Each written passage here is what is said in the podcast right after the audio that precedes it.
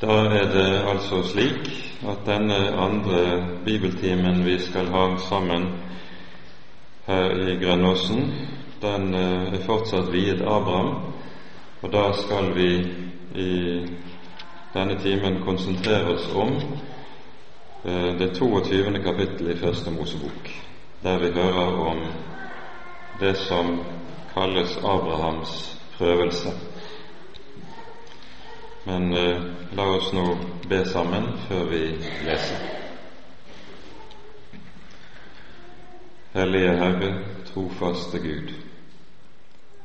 Deg takker og lover vi at du har gitt oss ditt hellige ord og kommer til oss igjennom dine ord.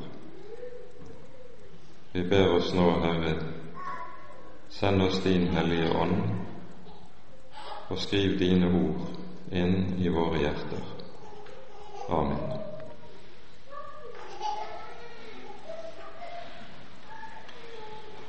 Vi, vi leser da kapittel 22 i Første Mosebok i sammenheng innledningsvis. En tid etter dette skjedde det at Gud satte Abraham på prøve han sa til Abraham Han sa til ham, Abraham, og han svarte, Ja, her er jeg. Da sa han, Ta nå din sønn, din eneste, ham som du har så kjær, Isak. Dra til Moria land og ofre ham der som brennoffer på ett av fjellene som jeg skal si til deg. Så sto Abraham tidlig opp om morgenen og lesset på eselet. Han tok med seg to av tjenesteguttene og Isak sin sønn. Han kløvet ved til brennofferet og ga seg så på vei til det sted Gud hadde sagt til ham. På den tredje dagen da Abraham så opp, fikk han øye på stedet, langt borte. Da sa Abraham til tjenesteguttene, Bli dere her med eselet, mens jeg og gutten går dit opp for å tilbe, og så kommer vi tilbake til dere. Så tok Abraham veien til brennofferet og la den på Isak, sin sønn. Selv tok han ilden og kniven i hånden, og så gikk de sammen, de to. Da tok Isak til orde og sa til sin far, Abraham, du far. Og han sa, Ja, gutten min. Han sa, Se, her er ilden og veden, men hvor er lammet til brennofferet? Abraham svarte, Gud vil selv se seg ut lammet til brennofferet, min sønn. Så gikk de videre sammen, de to. De kom da til stedet Gud hadde sagt til ham. Der bygget Abraham alteret og la veden til rette, og så bandt han Isak, sin sønn, og la ham på alteret oppå veden. Og Abraham rakte ut hånden og tok kniven for å ofre sin sønn. Da ropte Herrens engel til ham fra himmelen og sa, Abraham, Abraham. Og han svarte, Ja, her er jeg. Da sa han, Legg ikke hånd på gutten og gjør ham ikke noe for nå vet jeg at du frykter Gud, siden du ikke har spart din sønn, din eneste for meg. Abraham så da opp, og se, bak ham var det en vær som hang fast etter hornene i et kjerr. Abraham gikk der bort og tok væren, og han ofret den som brennoffer i stedet for sin sønn. Og Abraham kalte dette stedet Herren ser. Derfor blir det sagt den dag i dag, på Herrens berg skal han la seg se. Herrens engel ropte så for andre gang til Abraham fra himmelen, og han sa:" Jeg sverger ved meg selv, sier Herren, fordi du gjorde dette og ikke sparte din sønn, din eneste sønn, så vil jeg storlig velsigne deg og gjøre din ett så tallrik som stjernene på himmelen og som sand på havets strand. Din ett skal ta sine fienders porter i eie, og i din ett skal alle jordens folk velsignes, fordi du adlød mitt ord. Så gikk Abraham tilbake til tjenesteguttene, og de brøt opp og dro sammen til Bersheba, og Abraham ble boende i Bersheba.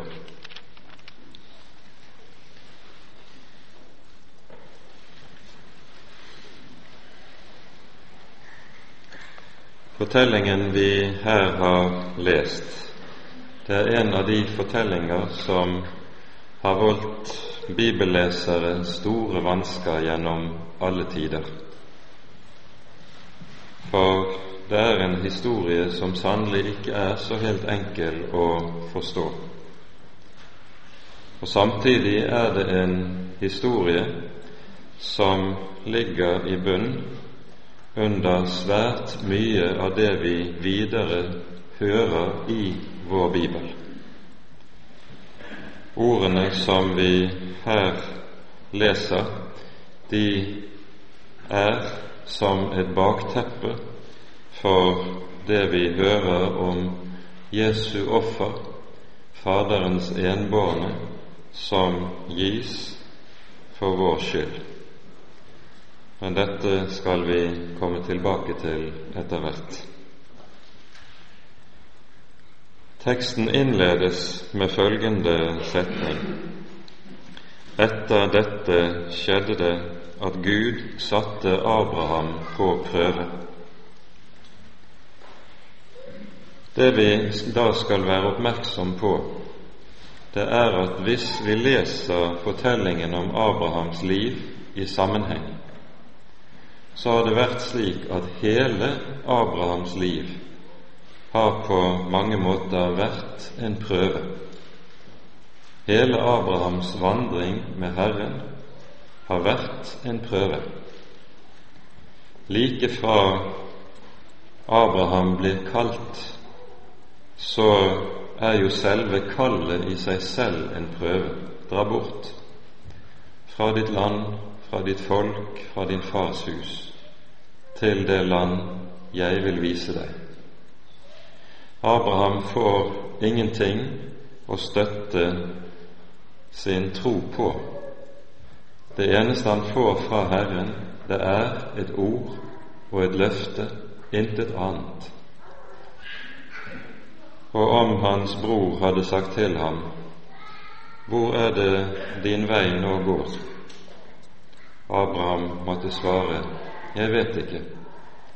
Og broren ville ristet på hodet og sagt, Du er en svermer. Ingen kan dra ut på lykke og framme som dette uten engang å vite hvor de skal. Herrens ord er fra begynnelsen av, fra første stund av, en prøve for Abraham. Så kommer Abraham til det lovede land. Han har brutt opp i forventning til et løfte. Et løfte som innebærer at Herren vil gi disse to gamle og barnløse en sønn. Men det ene år følger på det annet, og de ser ikke det minste tegn til at Herren vil oppfylle sitt løfte. Og så ligger det også i dette en stadig prøve. Tiden går, og så må Abraham bie på Herren. Og vi ser i dette en helt grunnleggende side ved hva tro er, slik Bibelen taler om det. Tro er å bie på Herren. Og dette ordet 'å bie', som brukes i de gamle bibeloversettelsene, en har sagt at det betyr følgende Det er å vente lenge og tilsynelatende forgjeves. For nettopp dette er jo det som Abraham står overfor ettersom årene går, og de ikke ser det minste tegn til at Herren skal oppfylle sitt løfte. Har jeg brutt opp forgjeves? Var Herrens ord og løfte likevel intet? Dette er den prøve som troen hans står under i de mange år mens de venter på Isak. Så kommer vi altså frem til kapittel 22, og her sies det Gud satte Abraham på prøve. Det er bare om det som her skjer, at Bibelen anvender ordet prøve, selv om Abrahams liv forut for dette på mange måter hadde vært en eneste sammenhengende prøve på hans tro, så det er likevel kun om dette vi her leser i kapittel 22, ordet prøve blir anvendt. Og vi forstår hvorfor. Dette er den egentlige prøve som all annen prøve så å si bare er forløpere på, forsmak på.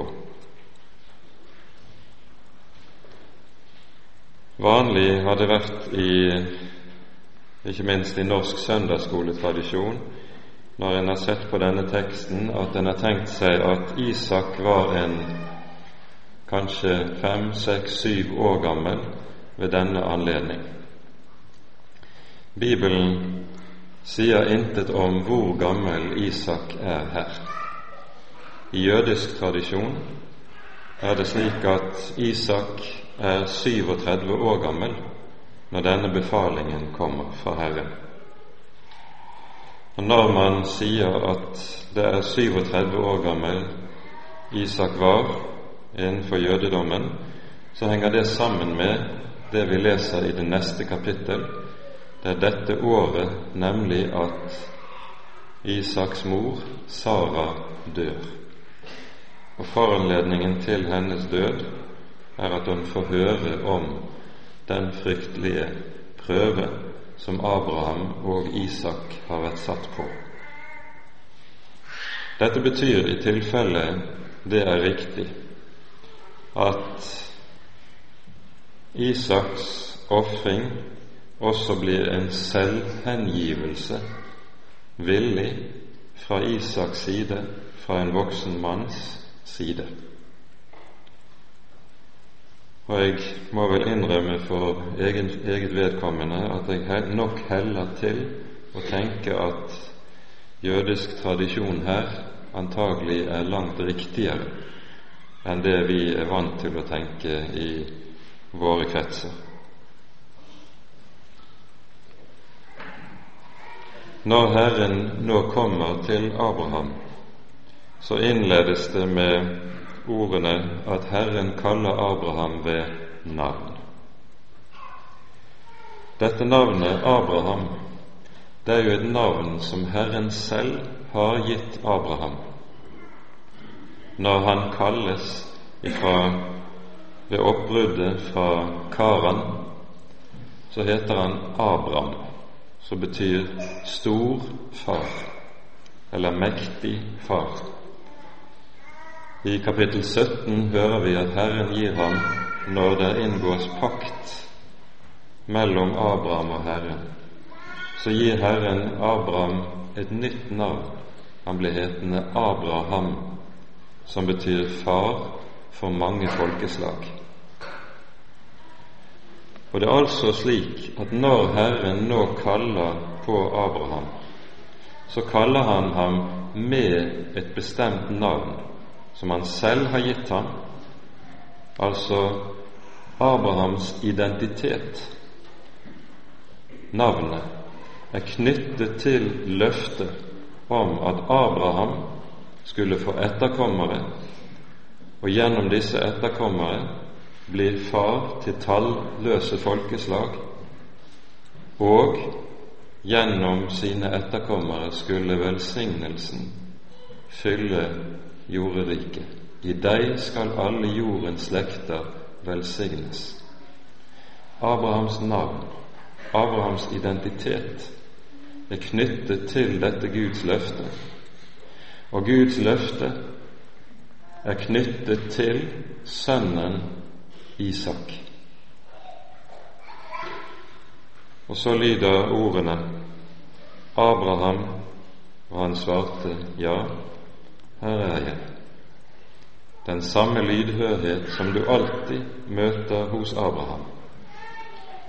Og så kommer ordene Ta nå din sønn, din eneste, ham som du har så kjær, Isak, dra til Moria-land og ofre ham der, som brennoffer på ett av fjellene jeg skal si til deg.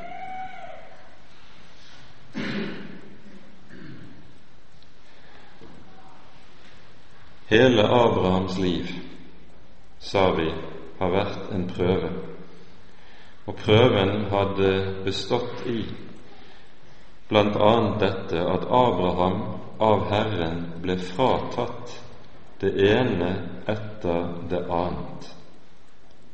Allerede det første kallet innebar å bli fratatt noe. Dra bort fra ditt land, fra ditt folk, fra din fars hus. Et kall som innebærer å bli fratatt all jordisk trygghet, alle ytre støtter, med det for øye Herren alene skulle være trygghet, støtte og skjold. Og vi hører hvordan prøven videre er vanskelig. Han får aldri noe å støtte troen på. Etter 25 år fødes Isak. Løftet blir oppfylt. Men det varer ikke mange årene før Abraham på ny skal berøves enda mer. Vi hører i kapittel 21 det sies følgende fra vers 9. Sara så at sønnen som egypterkvinnen Hagar hadde født Abraham, spottet. Hun sa til Abraham, Driv ut denne trellkvinne og sønnen hennes, for trellkvinnens sønn skal ikke arve med min sønn Isak. Dette gjorde Abraham meget ondt for hans sønns skyld. Men Gud sa til Abraham, Frykt ikke for guttens eller din trellkvinnes skyld. Lyd Sara i det hun sier til deg, for Merk det, for i Isak skal det nevnes deg en ett. Nå fratas Abraham sin første sønn Ismael, en sønn han gjennom flere år tydeligvis hadde trodd var den sønnen Herren hadde lovet ham. Det gjorde Abraham meget ondt, står det. Men når Herren sier at Ismael skal drives ut, så føyer han til et bestemt ord.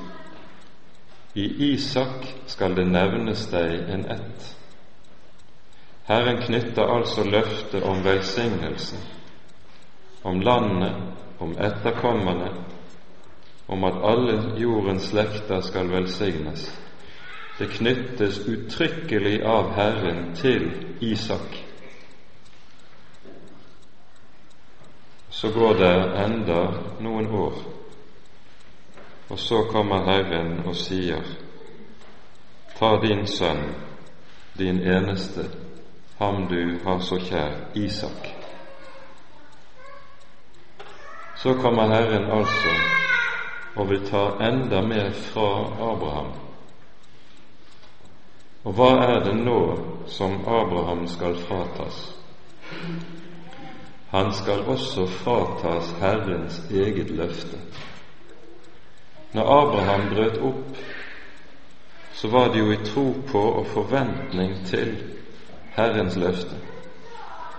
Han hadde knyttet hele sitt håp, all sin tro, hele sin fremtid, hele sin eksistens til dette løftet, til denne sønn som Herren har lovet ham.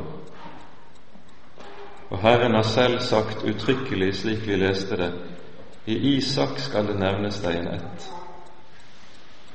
Og så er det nå som at Herren nå kommer og tar sitt løfte tilbake. Prøven her dreier seg altså ikke blott og bart om det at Abraham skal gjøre dette som for oss er så ubegripelig og umulig så brutalt menneskeofring. Men med det Herren her sier til Abraham, så er det som om Herren med dette også tar tilbake alt han har lovet, og med det dermed også drar bena under hele Abrahams eksistens, det han har levet for og levet på. Ja, det er en prøve. Og til prøven føyes jo også dette at Herren gir ikke Abraham ett eneste ord til forklaring, så han likesom skal kunne forstå hvorfor han skal gjøre dette. Ingen forklaring. Intet som gjør det forståelig og dermed lettere å gjøre. Han har ingen å rådføre seg med, aller minst Sara. Alene må han stå med denne forferdelige beslutning.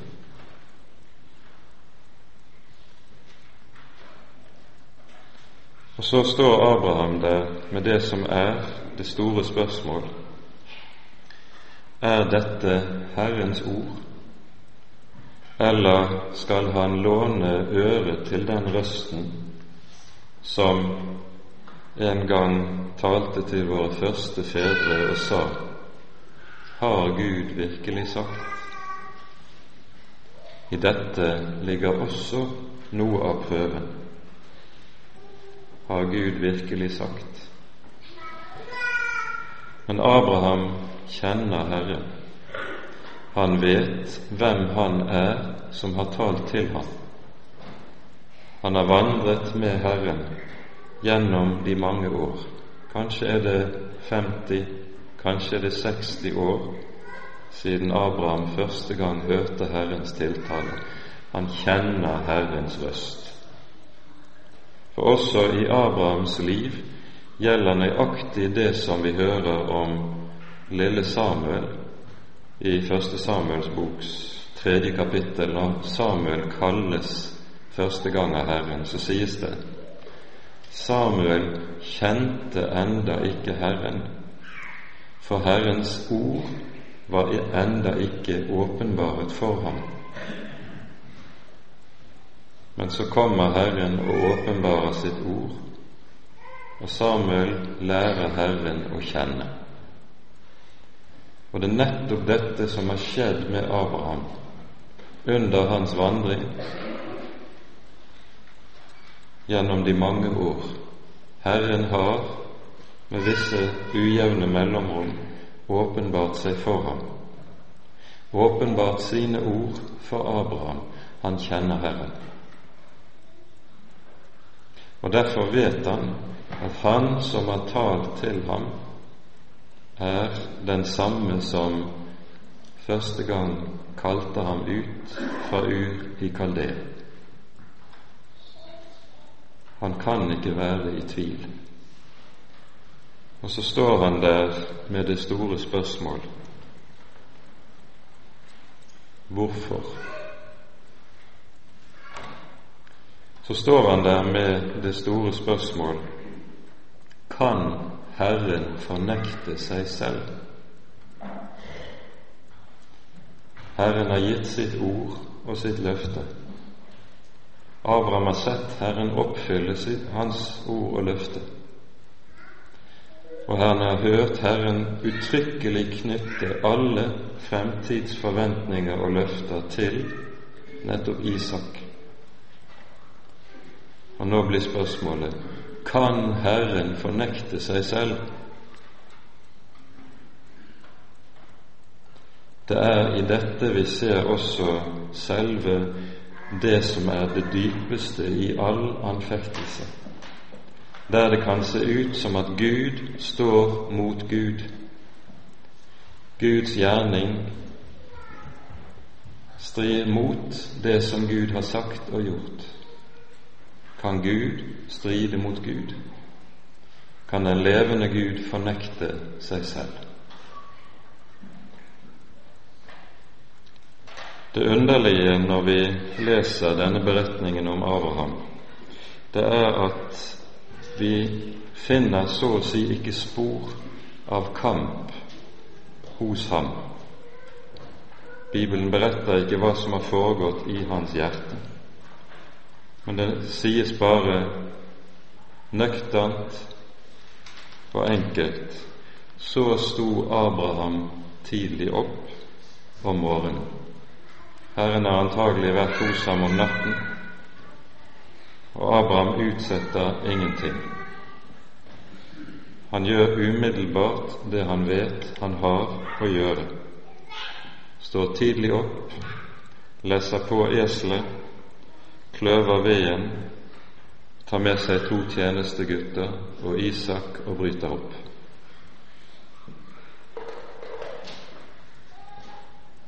Til prøven hører jo også dette at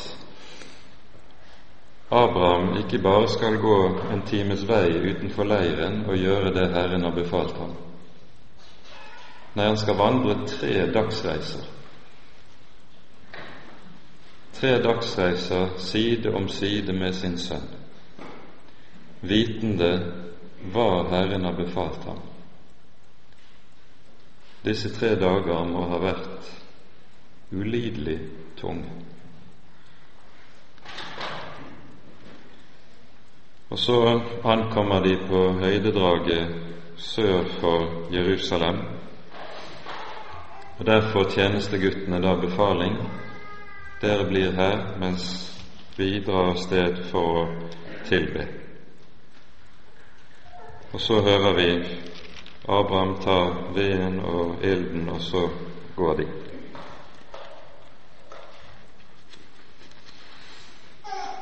Og så er det at vi hører Isak ta til orde og spør Abraham Se, her er ilden og veden, men hvor er lammet til brennofferet? Det vi skal merke oss med dette spørsmålet, det er det er Det gamle testamentets hovedspørsmål. Hvor er lammet? Hvor er lammet til brennofferet? Og spørsmålet får sitt svar først i Johannesevangeliets første kapittel, når vi hører døperen Johannes peke på Jesus som var døpt i Jordan,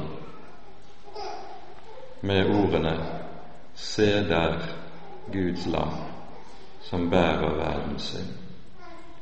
Da får vi svaret på det spørsmålet som ligger der under gjennom hele Det gamle testamentet. Når Johannes kan si disse ordene, så er det kanskje fordi Johannes gjennom røsten som lød fra himmelen ved Jesu dåp, den sa følgende Dette er min sønn, den elskede, i hvem jeg har velbehag. Ord som på hebraisk er likelydende med ordene som Abraham får høre her, ta din sønn, din eneste, ham du har så kjær. Herren tiltaler altså Jesus i forbindelse med dåpen med de samme ord som lyder her i forbindelse med Isaks ofring. Og som troende israelitt har døperen kjent disse ordene i Det gamle testamentet nøye. Det vi vet når det gjelder is jødisk gudstjenesteliv, det er at i synagogens eh, sabbatsgudstjeneste på sabbatsmorgenen så leses denne teksten fra Første Mosebok 22. Den leses som en del av innledningen til sabbatsgudstjenesten hver sabbat. For i denne teksten så anskueliggjøres etter jødisk tradisjon det som er det første bud. Du skal elske Herren din Gud av alt ditt hjerte, av all din sjel og av all din kraft. Og Derfor er denne teksten en tekst som ligger langt fremme i minnet hos hver enhver from og troende jøde. Abraham svarer på Isaks spørsmål. Gud vil selv se seg ut lammet. Og i dette så ligger det jo dyp visdom og et profetisk lys som nettopp griper det som hele vår bibel taler om. Herren har utsett seg en mann som skal fullbyrde sitt råd. Han har utsett seg ham fra evighet av. I eh, Johannes' åpenbarings 13. kapittel, i det åttende verset, så står det om det i forbindelse med den siste antikristelige forfølgelse. Så står det om uh, lammet ved den anledning. Um, og grunnteksten er nøyaktig slik. Det sies 'lammet som er slaktet fra verdens grunnvoll, ble lagt'. Det taler om de som er skrevet opp i livets bok hos lammet som ble slaktet fra verdens grunnvoll ble lagt.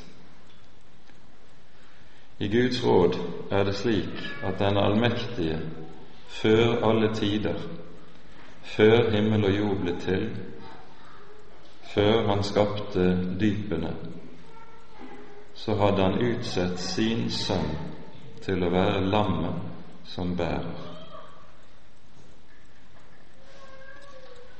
Gud vil utse seg lammet til brennoffer min sønn.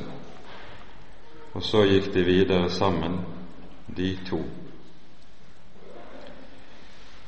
Vi eh, hører også at Abraham legger veden på ryggen til Isak. I den gamle kristne katakombekunsten, i katakombene under Roma, der finner vi på veggene i katakombene der de kristne skjulte seg i forfølgelsestidene. En rekke uh, bilder, det første og den eldste kristne malerkunsten. Og blant de eldste symbolene på Jesu død finner vi ikke korset. Det kommer først meget senere, for korset, det var skammens symbol i oldtiden. Det er det eldste symbolet på Kristi lidelse, det var bildet av Isak som bærer veden. Han er bildet på Jesus som bærer korset. Så der Jesus sa Jesu lidelse skal avbildes i den eldste malerkunsten, så avbildes nettopp under bildet av Isak som bærer ved. Forbildet er gitt her. Og så kommer de da frem til offerstedet. Heller ikke her nøler Abraham. Alteret bygges, veden legges oppå, Isak bindes, og faren rekker ut kniven for å gjøre som han er befalt. Da er det at Herren stanser ham. For Herren krever ikke menneskeoffer. Men Herren har satt Abraham på prøve. Og hva er det denne prøven dreier seg om? Den dreier seg om på mange måter det samme som sies om Israel i forbindelse med ørkenvandringen i Femte Mosebok. Her sies det slik i det åttende kapittel fra vers to og vers 3 følgende Kom i hu hele den vei Herren din Gud har ført deg på i disse 40 år i ørkenen, for å ydmyke deg og prøve deg, for å kjenne hva som var i ditt hjerte, om du ville holde Hans bud eller ikke. For hva er det som skjer gjennom det vi kaller prøvelse? Herren prøver hva som ligger i våre hjerter. Veldig mye av det kristne liv, dessverre, handler om fasade. Vi er så flinke til å holde pene og fromme fasader. Vi er så flinke å holde et fromt ytre slik at vi sågar ofte kan lure oss selv. Det store spørsmålet er imidlertid dette hva bor der inne? Det er det som er det avgjørende. Og det Herrens prøve for Israel dreiet seg om, var dette. Han ville prøve Israels hjerte med henblikk på hva? Om de ville holde fast på Herrens ord eller ikke. Og Det vi ser under Israels ørkenvandring, er jo om igjen og om igjen at folket ikke holder fast på Herrens ord.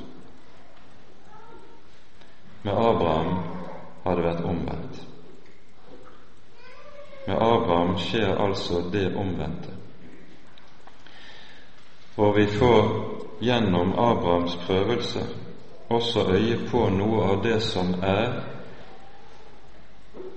Guds hensikt med prøvelse. For ikke bare skal han prøve for å se hva som ligger i dypet av vårt hjerte, men der en kommer igjennom prøven, slik Abraham gjør det, der fører det til stadfestelse av løftet, stadfestelse av velsignelsen. Og når Herren så taler til Abraham etter dette, så får ikke Abraham høre noe nytt som han ikke har hørt før. Han får høre nøyaktig de samme løfter som han har hørt tidligere jeg vil storlig velsigne deg og din ett, gjør din ett så tallrik som stjernene på himmelen og sanden på havets strand. Og i din ett skal alle jordens folk velsignes, fordi du adlød mitt ord. Det er innholdsmessig de samme løfter som man har hørt om igjen og om igjen, like fra begynnelsen av vandringen med Herren. Det er bare én ting som er nytt, men det er en viktig ting. Nå sverger Herren.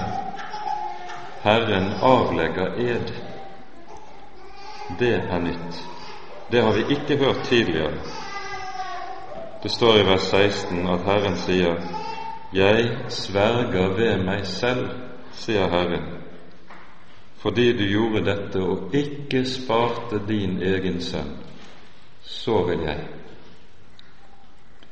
Og det at Herren avlegger ed, det er noe helt enestående i vår bibel. Og Derfor hører vi også at nettopp dette er noe som det stadig vises tilbake til når vi leser videre utover i Mosebøkene.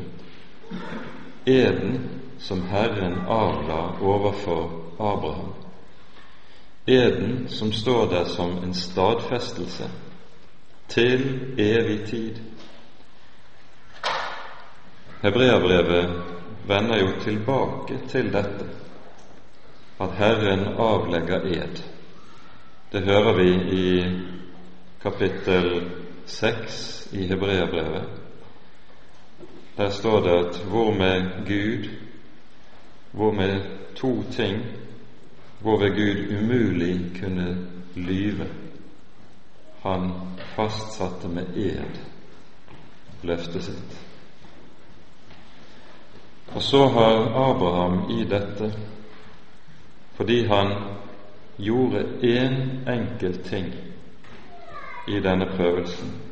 Han holdt seg til det Herren hadde sagt. Så har han fått stadfestet at Herren kan ikke fornekte seg selv. Selv om det så ut som at Herren dro sitt løfte tilbake, så hadde Abraham, fordi han kjente Herren, så har, har han måttet tviholde på Herren er den sanddrue. Herren er den som ikke kan lyve. Herren er den som ikke kan fornekte seg selv og det han har lovet, selv om det ser ut til med det ytre øyet at han gjør det. Han kan ikke fornekte seg selv.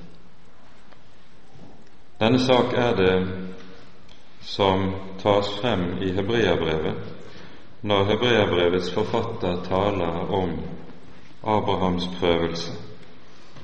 Vi leser slik i det ellevte kapittelet i eh, Hebreabrevet, fra vers 17, står det følgende Ved tro bar Abraham frem Isak som offer da han ble satt på prøve.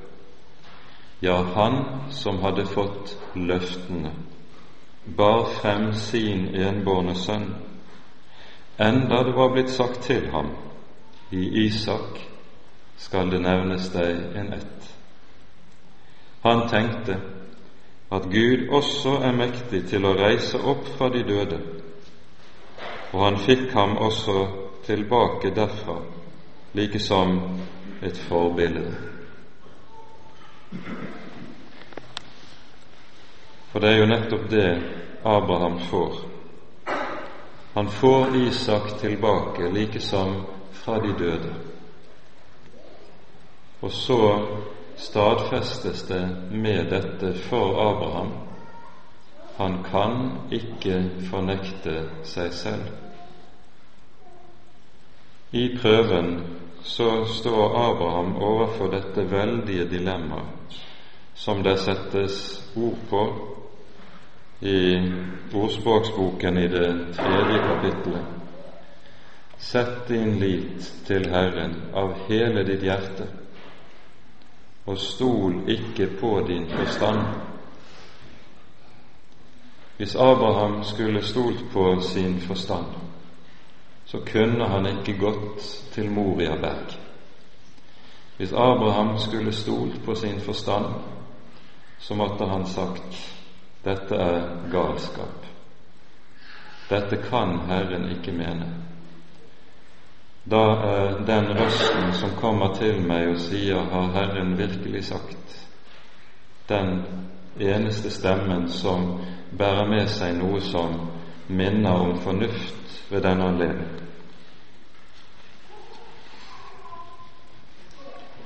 Men det Abraham gjør, det er altså dette enkle, men uhyre vanskelige. Stå opp, går skritt for skritt på Herrens ord, selv om helt sikkert både fornuft følelse og alt som er i ham, har strittet imot. På Herrens ord går han. Og så har Abraham bestått denne prøven. En prøve verre, tyngre, vanskeligere enn noen av oss noen gang kommer til å erfare. Men prøven er i slik den er gitt oss, selve urbildet på det som er kampen som et kristent menneske står overfor der anfektelsens nød blir den dypeste. Har Guds løfte sviktet? Har Gud gått tilbake på sitt ord? Er det slik at det på grunn av noe i mitt liv som gjør at Herrens løfte ikke lenger gjelder? Og så tviholder Abraham på dette. Han kan ikke fornekte seg selv. Utgangen på det hele har vi sett og hørt, og Abraham vender tilbake. Og så hører vi Abraham både gir stedet et navn, plassen der offeret skulle skje, kaller han Moria, som betyr Herren ser. Og så gir han Herren et navn, derfor blir det sagt på Herrens berg skal han la seg se. En sannhet som nettopp oppfylles på Jesu kors. For det er på Moria berg korset reises 2000 år efter. Der Han som er Guds lam, som bærer verdens synd, slaktes, som heloffer for den hellige og levende Gud.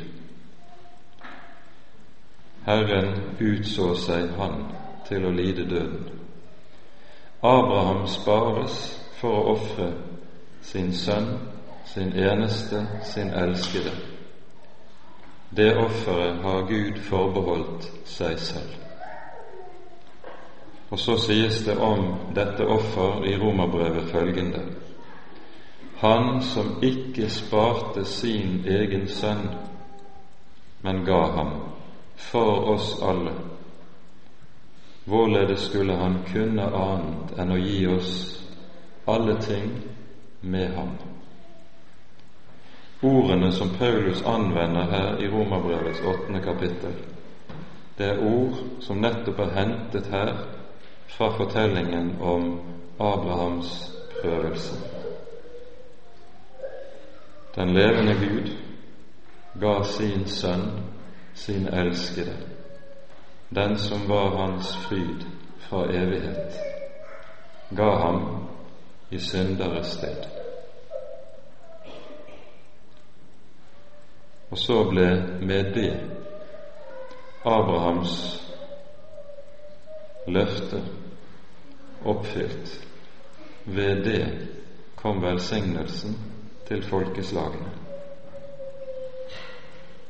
Og med dette er det at Jesus også kan si i det åttende kapittel i en samtale med en gruppe fariseere så sier han til disse Abraham så min dag og frydet seg, for på Herrens berg skal han la seg se. I dette ligger den dype, dype hemmelighet. Gud lar seg se i vår verden utelukkende på et kors. Han lar seg ikke til kjenne noe annet sted enn på dette kors, men der, der lar han seg se. Der trer han frem for oss som den han er, slik at Guds folk kan si de kjenner ham som han er, fordi de kjenner ham som han på et kors. På Herrens berg skal han la seg se. Det er hemmeligheten som kommer ut av dette.